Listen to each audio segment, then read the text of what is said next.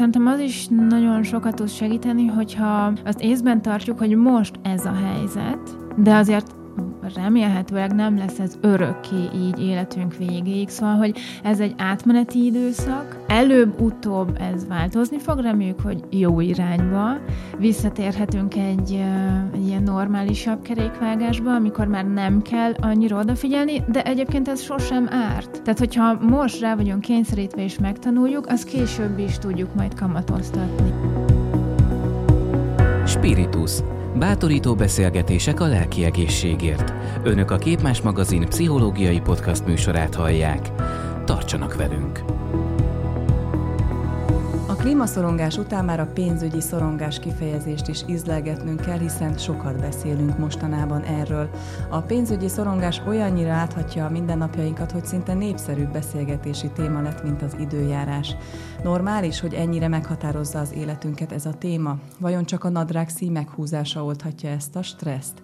Mire érdemes fókuszálni. Ebben a spiritusban Buda Krisztina pszichológussal, séma konzultánssal beszélgetünk. Szeretettel köszöntelek Krisztina az adásban. Köszöntöm én is a hallgatókat.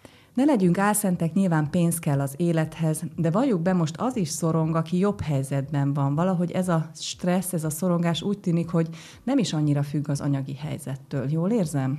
Abszolút, igen. Nagyon fontos ugye az, hogy a mostani helyzetben azt gondoljuk, hogy akinek nincsen pénz, vagy nincsen jó anyagi helyzetben, nála megjelenik a szorongás, és aki szerencsésebb helyzetben van, és nincsenek anyagi problémái, ott a szorongásnak se híre, se hamba, uh-huh. de sajnos ez nem így van, mivel ezt tudjuk, hogy a, az anyagi biztonság az nem jár érzelmi biztonsággal. Tehát ö, ezek sajnos nem függenek össze, és nagyon sokszor látjuk, hogy aki jobb anyagi helyzetben van, is megjelenik a szorongás, nem jelenik meg a boldogság olyan szinten, ahogy elvárnánk, tehát a nincs összefüggés, egyenes arányossága a pénztárcának a vastagságával és a, a boldogsággal, vagy esetleg a szorongás csökkenésével. Ezek szerint az érzelmi biztonságot keressük az anyagi biztonságban? Tehát tévúton járunk? Gyakorlatilag ebből alakul ki a stressz? Nagyon sokan összekötik, igen, a kettőt. Az a hiedelmük, hogyha anyagi biztonságban vannak, akkor akkor egyfajta az élet minden területén lévő biztonság fog megjelenni, és hogy ezáltal az ő értékességük uh-huh. is majd, majd stabilabb lesz, holott a, az, hogy mennyire vagyunk értékesek, az nyilvánvalóan nem ettől függ. Lehet, hogy ebben a beszélgetésben érdemes egy kicsit az érzelmi biztonság kifejezést uh-huh. is kifejteni, hogy mit jelent ez a jólétet, azt, hogy szeretnek, jó helyen vagyok, értékes vagyok? Az érzelmi biztonságnak igen, mindenképpen ezek nagyon fontos összetevői.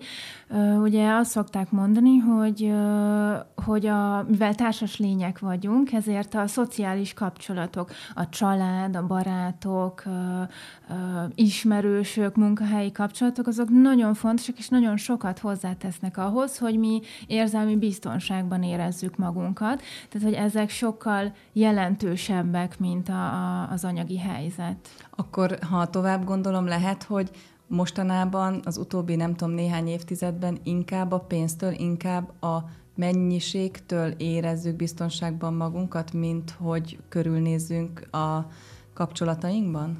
Így van, uh-huh. én nekem is ez a meglátásom. Ráadásul ugye mindenhonnan az folyik a tévéből, a reklámokból, az újságokból, hogy fogyasszunk minél többet, vásároljunk minél többet, hiszen minél többünk van, annál inkább ugye megjelenik ez az érték, de ugye itt felmerül, hogy valójában mi is az érték.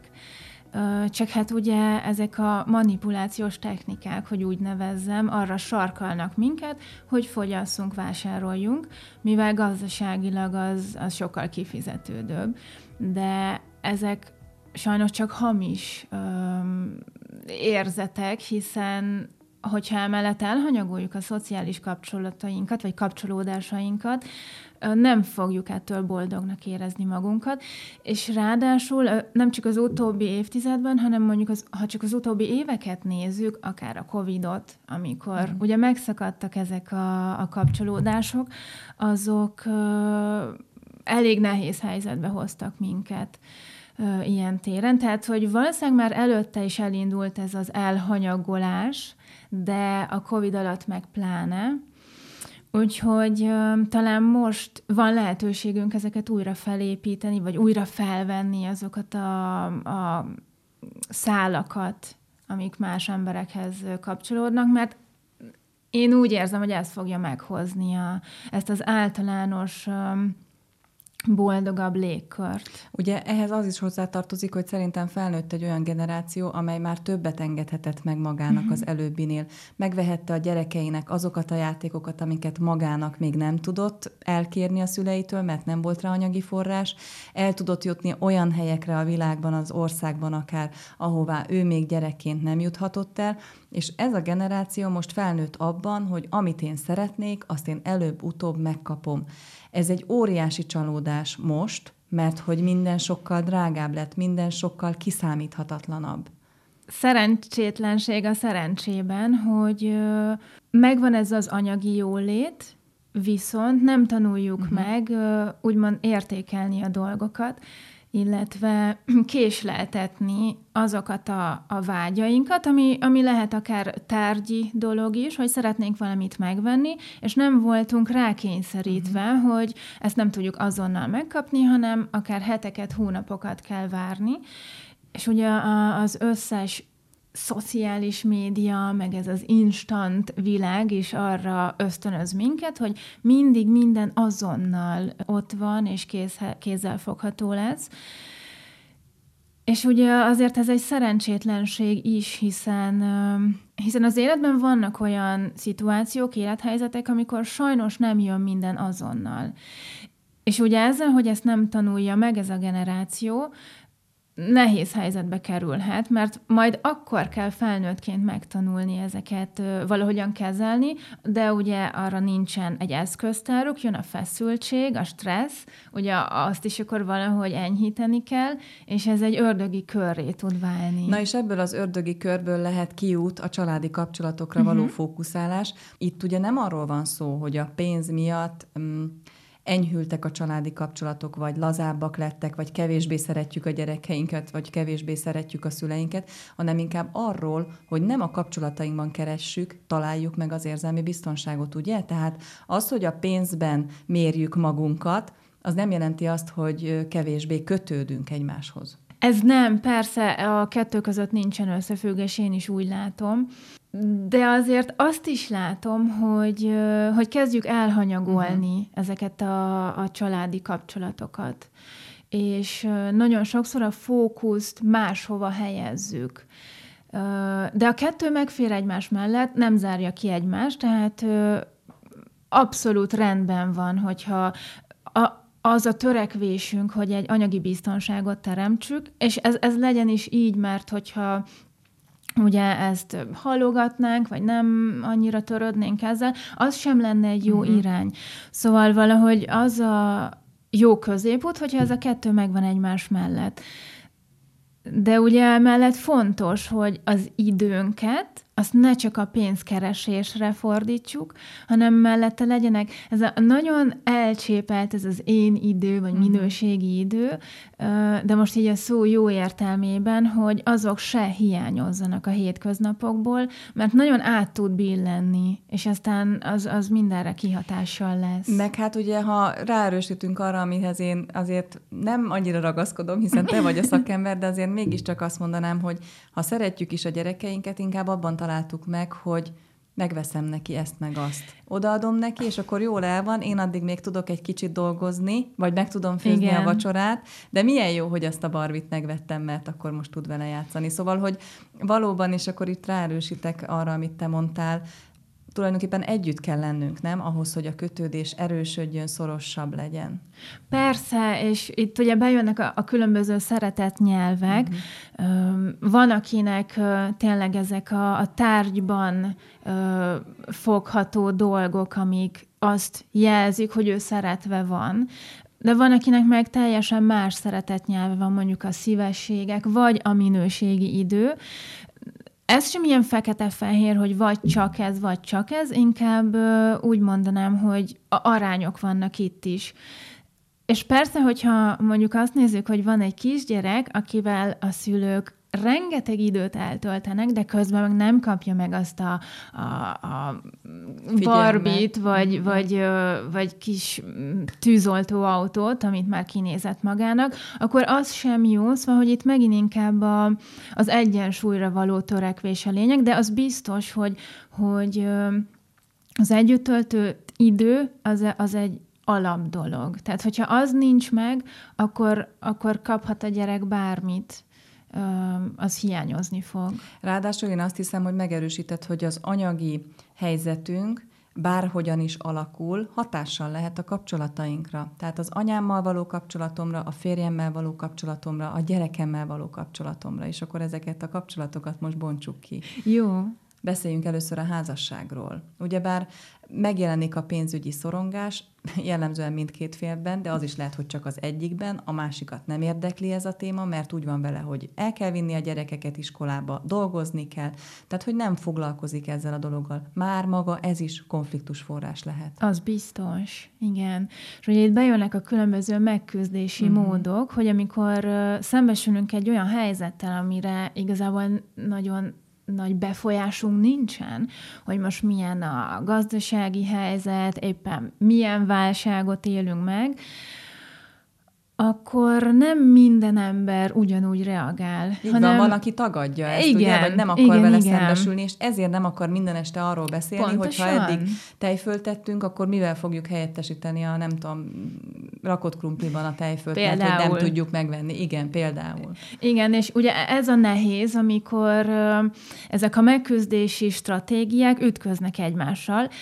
Vagyis azt mondom, hogy még az sem nehéz, mert hogyha van egy olyan őszinte kommunikáció a két fél között egy házasságban, hogy ezt meg tudják beszélni, meg van egy közös nevező, akkor még ez is rendben van. A probléma abból adódik, hogyha, ahogy mondtad is, hogy az egyik abszolút elkerüli, a másik meg mondjuk Bújja behódol. az internetet, igen, van, igen. És állandóan azt nézi, hogy hol tud olcsóbb tejfölt venni, akkor maradjunk igen. a tejföl példájánál. Akkor ugye ez nagy, nagy konfliktusokat tud okozni amik aztán, ha nem oldódnak fel, nincsen egy, egy, egy megbeszélés, egy konszenzus, akkor hosszú távon az, az, az intimitás rovására tud menni. Tehát akár egy házasság is múlhat rajta, egy házasság Hát azért, azért egy, egy, egy, egy ilyen tejfölön nem múlik egy házasság. De a pénzügyi de... helyzeten való gondolkodás. Persze, persze. Az, az azért hosszú távon, mert nyilván elindul valahonnan ez a dolog, és aztán, mint egy kis gömböc, ez hozza magával uh-huh. a különböző dolgokat, más életterületre is bekúszik, és ez azért tud veszélyes lenni, mert hogyha van egy olyan nézeteltérés, eltérés, ami a szőnyeg alá van söpörve, vagy hogy egyszerűen próbálnak megoldani, de nem megy, és elfolytják, az, az a tudattalamban ott lesz. Tehát az úgymond kísérteni fog minket. Szóval, hogy nagyon sokan ezt az elkerülés technikát választják, azt gondolván, hogy ha nem beszélünk róla, akkor nincs is. De sajnos attól még ott van, és előbb-utóbb ez, ez vissza fog csapni. A megküzdési stratégiákról hamarosan bővebben fogunk beszélgetni, de akkor a rendszer szerint, ahogyan említettem, menjünk a gyerek-szülő kapcsolatra rá, hogy a pénzügyi szorongás milyen hatással lehet erre. Személyes példa, eddig majd, hogy nem napi, de legalább két napi program volt a gyerekekkel délután meglátogatni a kisboltot, ott vettünk pár dolgot, amit vagy megettek, vagy nem. Ott hagytam hm. mondjuk pár ezer forintot, és azt mondtam, hogy rendben van, de még mindig nincs vacsoránk, de nem baj, ez belefér gyerekek vettek valami nyalánkságot, esetleg néha sikerült őket rábeszélni valami egészségesebbre. Most már ott tartunk, hogy nem fér bele az almalé minden nap, nem fér bele a nyalóka, amit be hármat nyal és nem eszi meg, tehát, hogy mindenki azt gondolom, hogy egy picit tudatosabb lesz, de a tudatosságnak bizony ára van az emberi kapcsolatok területén. Így van, és főleg gyerekekkel uh-huh. ez, a, ez a helyzet azért um, egészen más, mint mondjuk, ahogy az előbb beszéltük egy házasságban, hiszen ott két felnőtt ember jó esetben leül és megbeszéli egymással. Egy gyerekkel azért másképpen kell ezt az egész helyzetet kommunikálni, de azért én egy kicsit átkeretezném ezt a, ezt a helyzetet, mert uh, nyilván ez egy változás a gyerekek életében is Viszont ha megpróbáljuk más szemüvegen keresztül nézni ezt a dolgot, akkor ez egy lehetőség lehet arra, hogy sokkal tudatosabbak legyenek a gyerekek is, uh-huh. és már gyerekkorukban megtanulják azt, hogy hát igen, nem megy minden azonnal, nem lehet minden nap nyalókát enni, főleg pazarolni.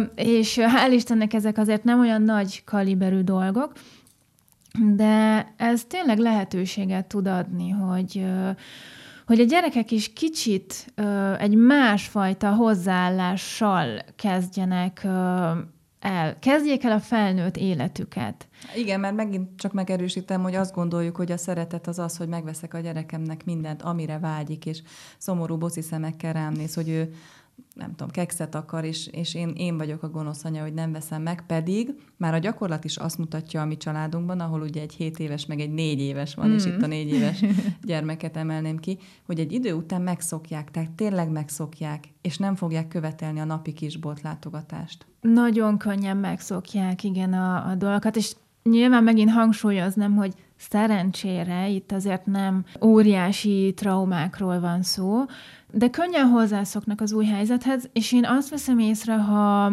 ha, ha nem úgy zajlik ez, a, ez az egész helyzet, hogy jó, mostantól nem kapsz nyalókát, uh-huh. gyere, menjünk, uh-huh. hanem az ő szintjén ez, ez meg van beszélve, és kvázi partnerként kezeljük őt is, akkor el tudja helyezni az ő kis polcán az, hogy jó, most ez azért van, mert ugye felnőttként is sokszor akkor tudjuk elengedni a dolgokat, hogyha megértjük, uh-huh. hogy ez miért úgy történt, ez, ezzel mit tudunk kezelni, mert akkor már sokkal könnyebb kezelni, és a gyerek ugyanúgy működik. Tehát, hogyha elmagyarázzuk neki, hogy ez most azért van, mert most mondjuk ideig, óráig ezt nem engedhetjük meg magunknak, akkor én úgy gondolom, hogy ez nem ördögtől való. Ráadásul én azt hiszem, hogy ez is egy minőségi idő, nem? Az ember beszélget a gyerekével, valamit megmagyaráz, ráadásul ez is saját tapasztalat, hogy fantasztikus érzés, amikor a 7 éves szintjére le tudok menni, van rá idő, van rá energia,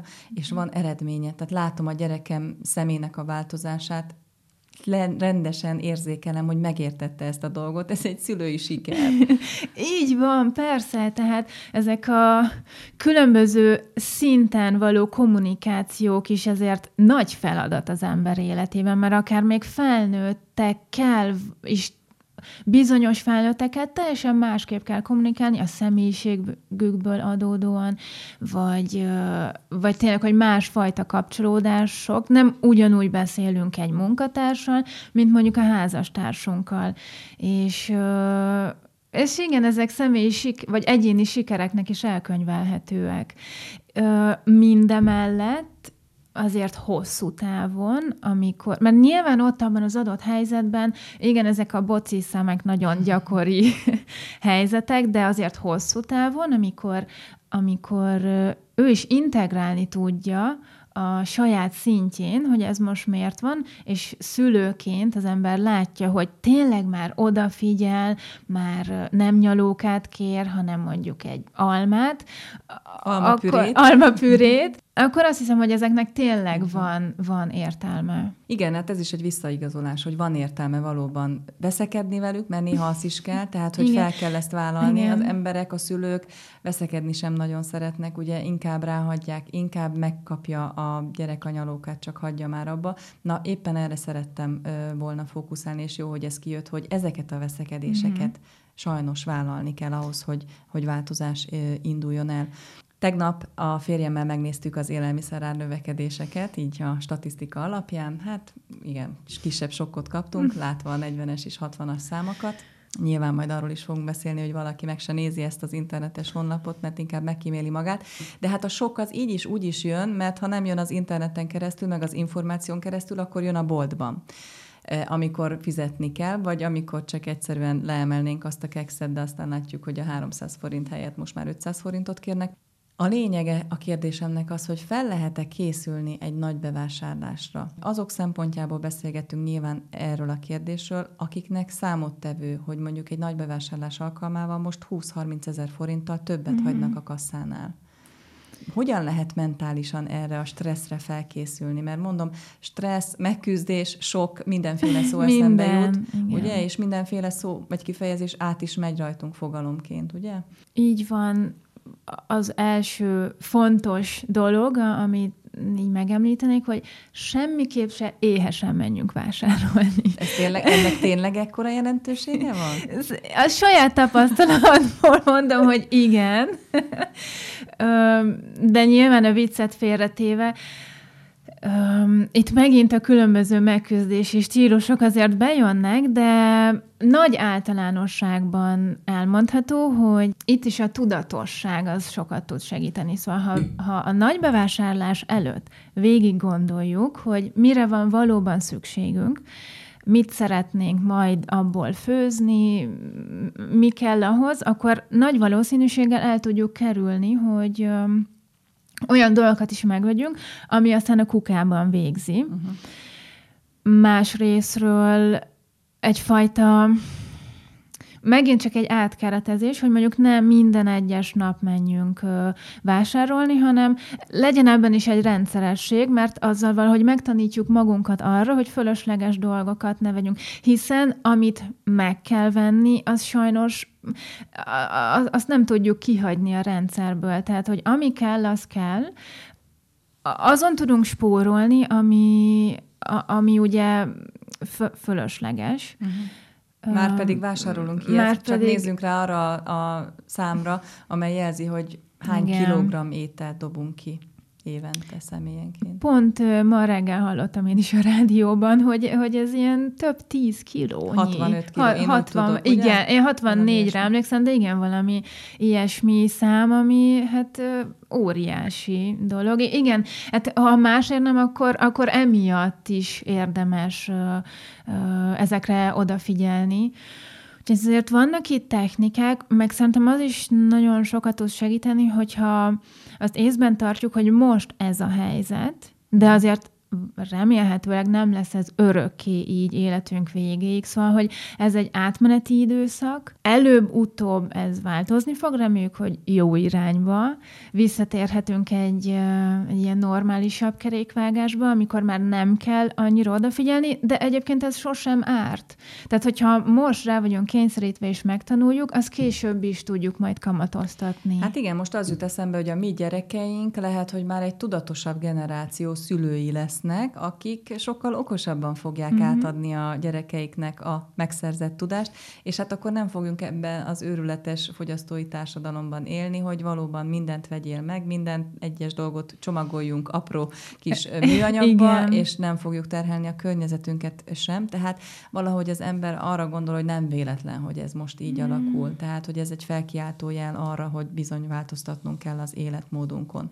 Az élelmiszervásárlásra visszatér visszatérve, gondolom, hogy a lista elengedhetetlen, gondolom, hogy a tudatosság elengedhetetlen, meg is erősítetted, gondoljuk át, mielőtt elindulunk. Szerinted mi spórolunk?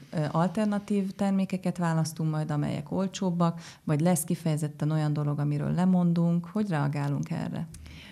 Ez mindenképp egy jó gondolat, hogy és én is azt, azt látom, hogy ha van két nem is két, régen még csak két termék volt, most már húsz termék, ami közül van olcsóbb, akkor, akkor az nagyon sokat tud segíteni, hogy akkor az olcsóbbat.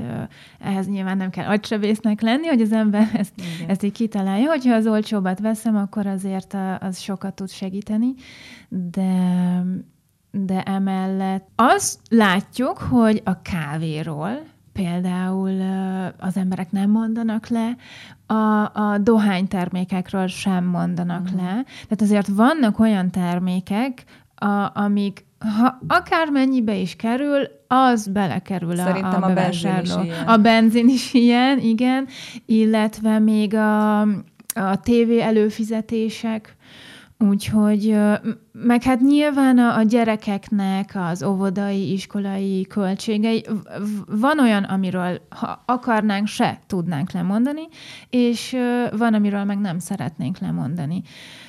Ami viszont az ellen ö, pólus, hogy sokan lemondanak ezekről az önismereti, uh-huh. terápiás lehetőségekről, meg mm, jó, nyilván ez nem szórakozás, de hogy emellett minden, ami a szórakozáshoz kapcsolódik, a, a színházba elmenni, szórakozni elmenni. Sportolni elmenni. Akár sportolni elmenni, igen, a fitness bérletek, szóval ami, ami ugye hozzátenne ehhez a minőségi időhöz, mert, mert persze tök jó a minőségi idő, amikor otthon vagyunk, leülünk egy kávé mellett, ugye, amiről nem mondunk le, beszélgetünk, de emellett azért sokat hozzá tud adni az a közösen együtt töltött időhöz ezek a fajta élmények akár színház, mozi, együtt sportolás, de hát erről uh, igyekeznek az emberek lemondani, mert hogy valahol nyilván spórolni kell.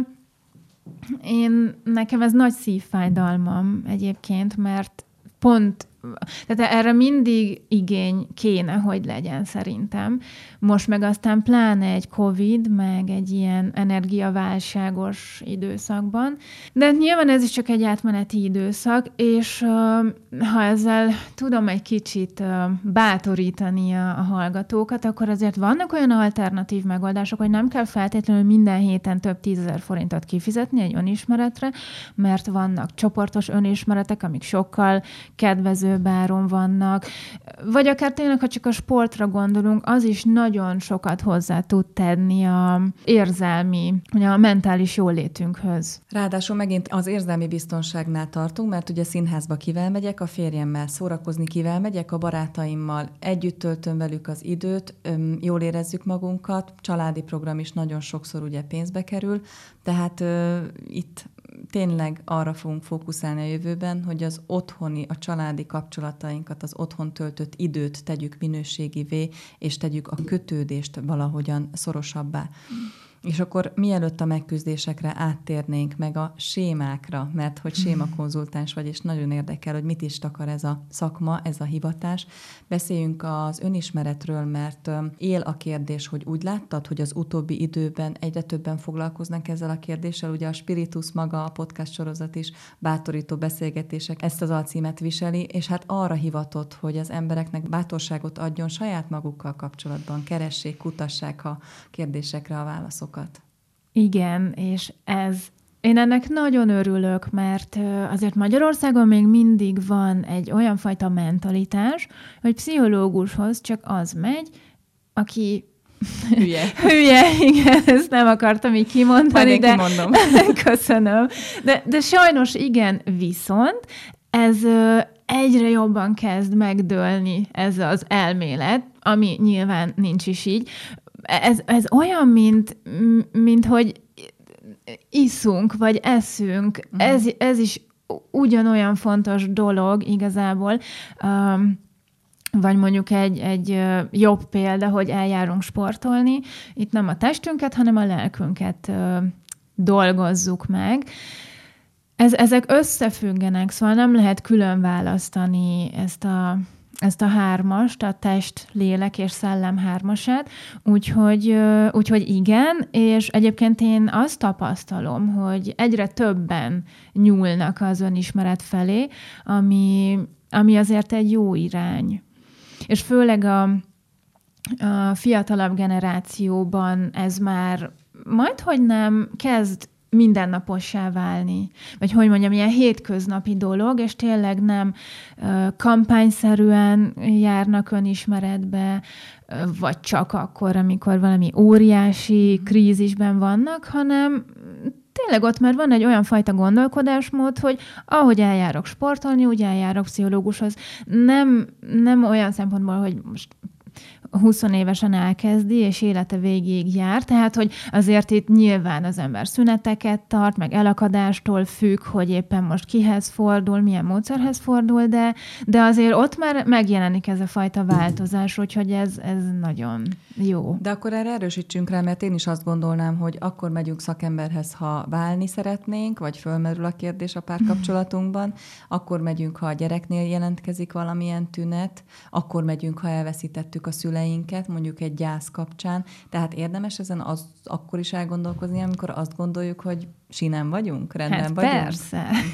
persze, mert senki nem tökéletes, és mindenki hoz a gyerekkorából kisebb-nagyobb sérüléseket, amik kapcsán ugye kialakulhatnak a sémák, de erről majd akkor még beszélünk. De igen, tehát ö, különbség van a, egy krízis pszichológia, meg mondjuk egy, ö, egy, egy olyan pszichológiai ö, tanácsadás között, ami, ami egy ilyen önismeret elmélyítéséről szól. Tehát igen, de az már nagyon jó, hogy amikor ilyen krízisbe ben találjuk magunkat, akkor felkeresünk egy szakembert, de én például nem krízis pszichológus vagyok, hozzám főleg ö, olyanok járnak, akik nek hál' Istennek nincsenek óriási ö, ö, traumáik, vagy kríziseik, csak szeretnének foglalkozni egy kicsit jobban önmagukkal, hogy megértsék, legyen egy jobb rálátásuk önmagukra, hogy, hogy, ö, hogy, hogy egy ilyen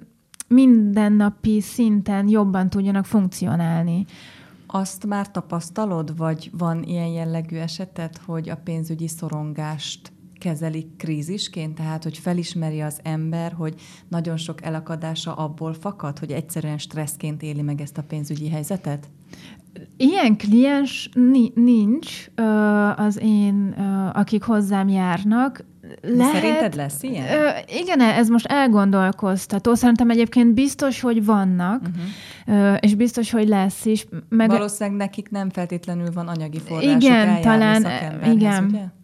Ö, valahogy én is ezt... Ö, ezt látom, hogy biztos, hogy van ilyen, száz százalék, mert hát most egy ilyen világot élünk, de lehet, hogy pont ők azok, akik sajnos nem engedhetik meg maguknak, hogy, hogy eljárjanak mondjuk egyéni terápiába. Ami ugye egy nehéz ügy, mert, mert tényleg én azt gondolom, mindenkinek az életében vannak olyan vakfoltok, amin, amin azért érdemes dolgozni, akár pénzügyi, akár nem pénzügyi öm, dolog, de hát reméljük, hogy, hogy ez is majd így kialakul, és hogy egyre több olyan lehetőség lenne, ami mondjuk anyagilag nem olyan megterhelő, de olyanok is hozzájutnak, akik a, egy, mondjuk egy terápiát nem engedhetnek meg maguknak, de ilyen-olyan helyekre viszont el tudnak járni. És akkor lassan kanyarodjunk a megküzdési stratégiákra. Mi a véleményed, illetve hát mit mond a tudomány, mind a kettőre kíváncsi vagyok azzal kapcsolatban, hogy vajon az, hogy a családi kapcsolatunkban fogjuk inkább keresni a saját érzelmi biztonságunkat, nem pedig a pénzben, a pénz mennyiségében, ez magától fog jönni? Nem lesz más választásunk, vagy ehhez tudatosság kell? Tehát tudnunk kell arról, hogy eddig néztem az árakat, és azt gondolom, hogy kevesebbet érek már, mert nem tudom megengedni magamnak, ezt el kell felejteni, és a gyerekem felé kell fordulnom tudatosság. Uh-huh. Szóval sajnos ezek nem jönnek maguktól. Sőt, hogyha nincs meg a tudatosság, de megvan ez a pénzügyi szorongás, és mellette nem, mivel nem jön magától, ezért nem automatikusan fordulunk a család felé, akkor ez még nagyobb galibát is tud okozni, Aha. mint annál, hogy csak van egyfajta pénzügyi nehéz helyzetünk. Szóval én mindenképpen azt gondolom, hogy ezt tudatossággal lehet feloldani, vagy, vagy átevezni egy, egy másik irányba. De hogyha ez a tudatosság megvan, akkor, akkor ezt az egészet át lehet keretezni, és, és akkor egy magasabb szintre tudunk majd lépni, akár egy ilyen önismereti munkában, vagy a családdal való kötődéseinkkel. De e- akkor ehhez szakember kell? Hogy át tudjak evezni? Mm, nem feltétlenül kell mindenhez szakember. Én azt szoktam mondani, hogy vannak olyan elakadások, amik,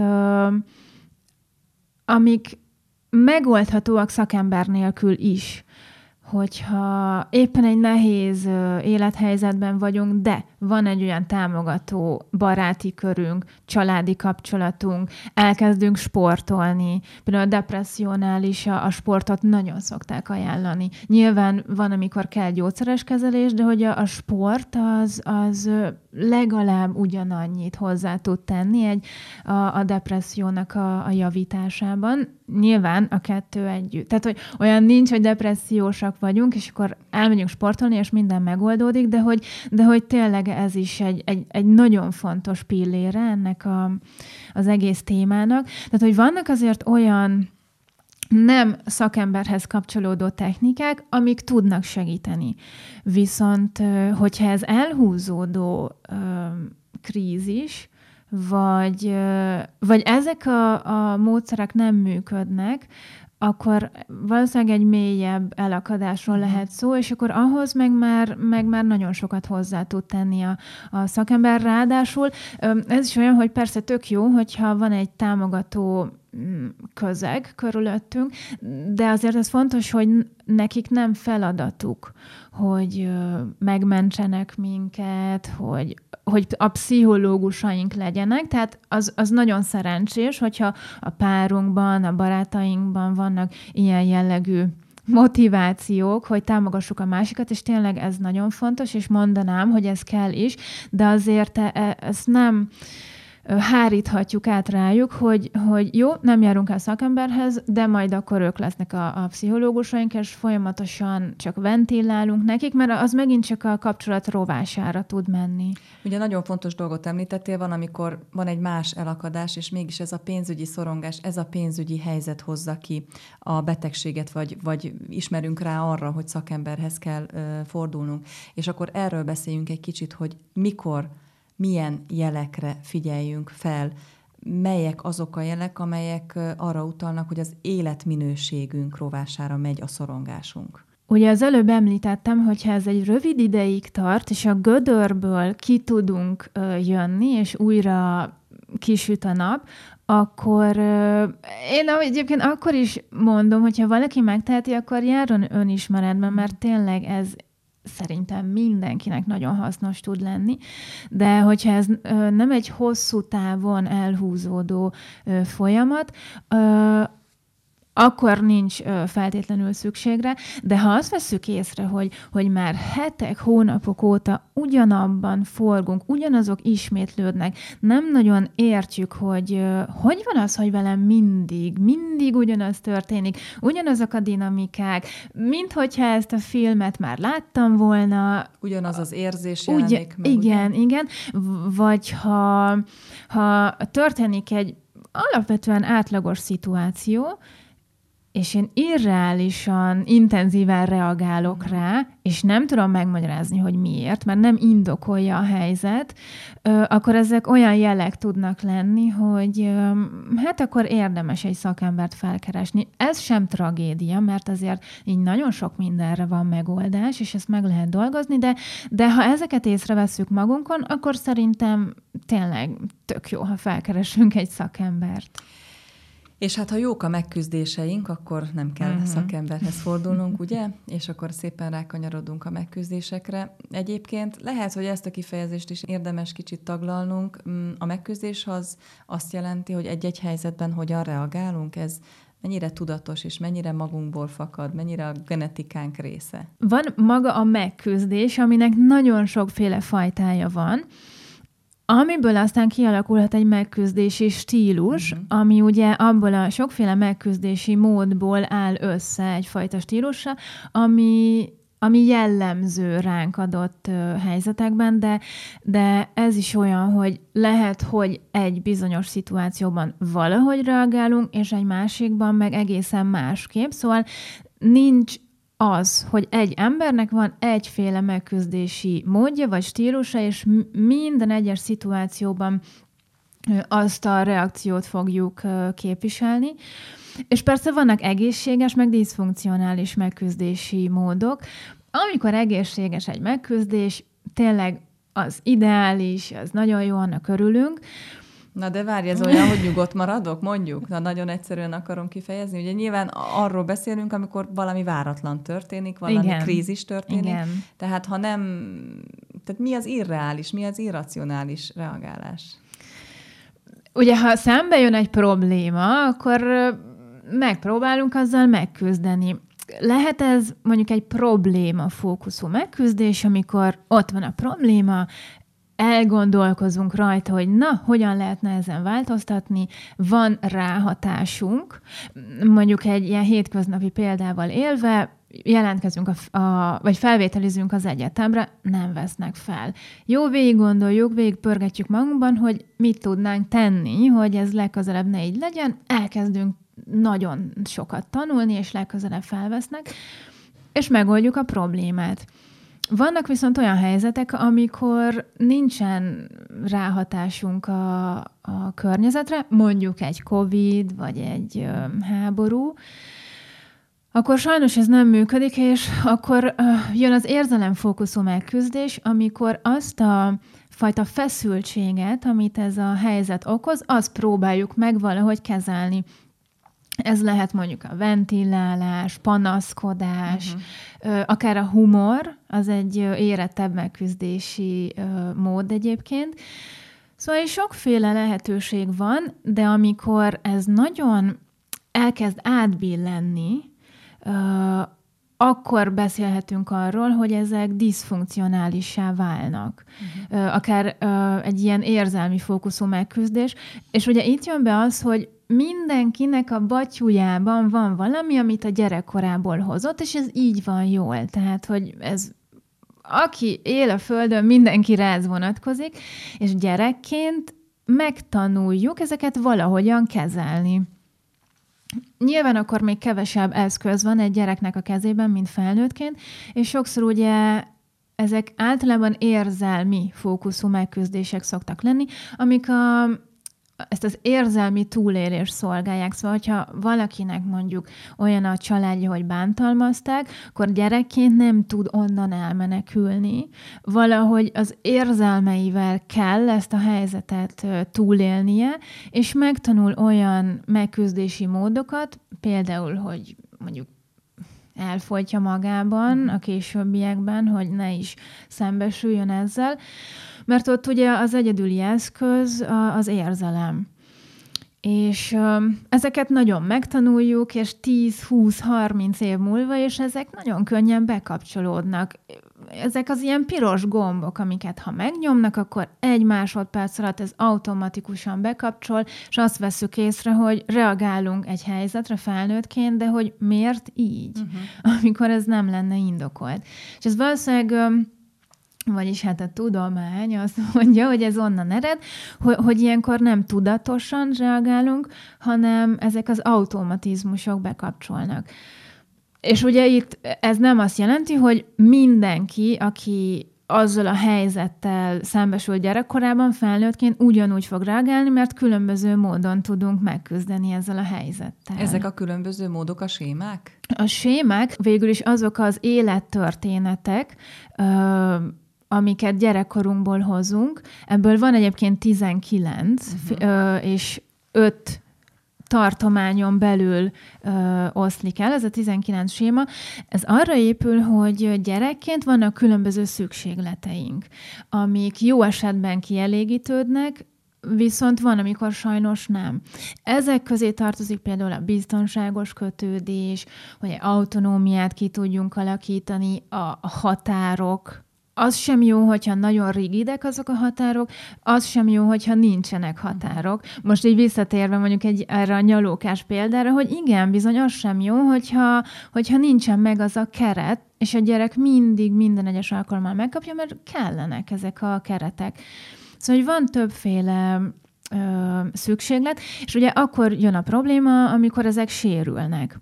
És a séma terápia végül is ö, ez, ez a a, az elmélete, hogy rendelkezünk bizonyos sémákkal, amik aztán felnőttként aktiválódnak, amikre valamelyik megküzdési móddal reagálunk, és ezeket fontos tudatosítani, mert ha tudatosítjuk, akkor már ö, azt meg is tudjuk dolgozni, csak azzal tudunk foglalkozni, ami tudatossá válik, ami a, a tudattalamban ott kering, azt nagyon nehéz megfogni, szóval, hogy először ezekkel tisztába kell lenni, és akkor utána meg tudjuk dolgozni, hogy aztán ne a sérült gyermeki részünk, hanem az egészséges felnőtt részünk reagáljon. Hát akkor most egy részlet a házasságból, nem az enyémből, de hogy sokszor halljuk a feleség szájából, hogy pont úgy reagálsz, mint apád, vagy pont olyan vagy, mm. mint anyád, akár nem a férj kontextusban, hanem akár a gyereknek is mondjuk ezt. Szóval, hogy akkor ezen érdemes dolgozni, lehet ezen változtatni változtatni. Az, Persze. hogy hogyan reagálok, az rajtam múlik. De itt is úgy tudatosság, mindig ez a kult szó. Mindig ez a tudatosság.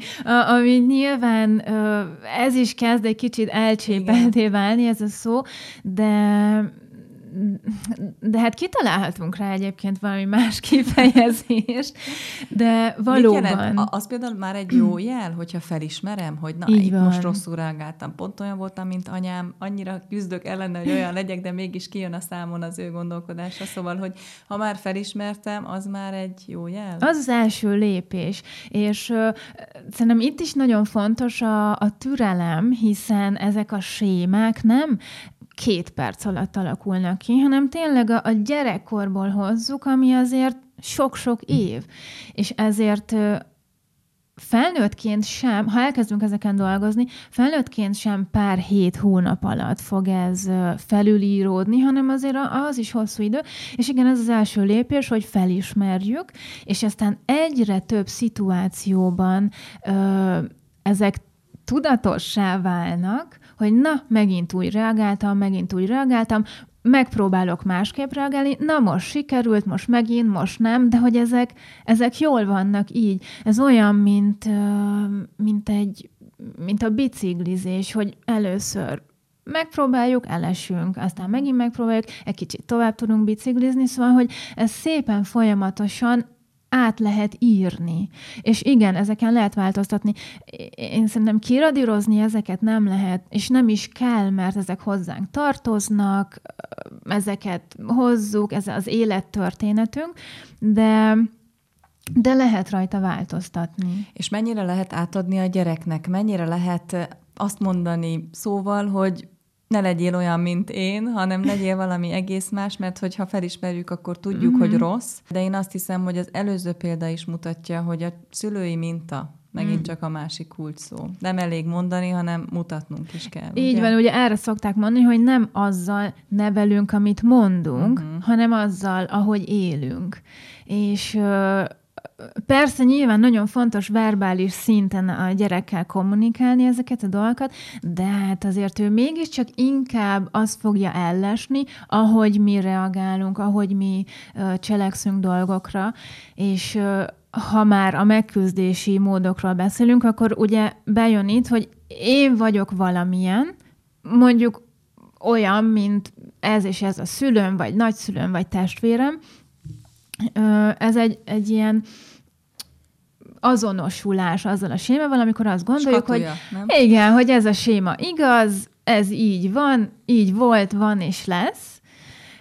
Van aztán az elkerülés, amikor azt gondoljuk, hogy ez nem is létezik, ezzel mi nem foglalkozunk, kerülünk minden olyan szituációt, amikor ez felmerülhet, homokba dugjuk a fejünket. Hát ez a pénzügyi helyzettel Igen. kapcsolatban nagyon sokaknál tapasztalható. Igen, hogy például nem olvassuk a mhm. híreket sem, mert akkor ami nincs, amiről nem beszélünk, az nincs uh-huh. is. És van még egy harmadik, ami meg a túlkompenzálás, amikor minden erőnkön a, azzal, minden erőnkkel azzal küzdünk, hogy, hogy, hogy ez ne valósuljon meg, hogy ennek a sémának az ellenkezője legyen az igaz, hogy, hogy tényleg elérjük annak a, a totálisan a másik végpontját. Úgyhogy itt többféle megoldás szokott születni egy sémára, de, de a megoldás valahol mégiscsak az, hogy ezeket felismerjük, és aztán egy egészséges felnőtt énnel vagy móddal tudunk aztán egyre több szituációban reagálni, és aztán az fog bevésődni és felülírja. Mondtál ezeket. valami hasonlót, de uh-huh. most elgondolkoztam azon, hogy aki felismeri mondjuk, hogy eddig rosszul reagált helyzetekre, és elmegy egy szakemberhez, mondjuk Igen. egy sémakonzultánshoz, és végig mennek, végig visznek egy terápiát. Azután nem lesz az embernek jellemváltozása? Tehát nem lesz ő egész más típus, mint volt addig?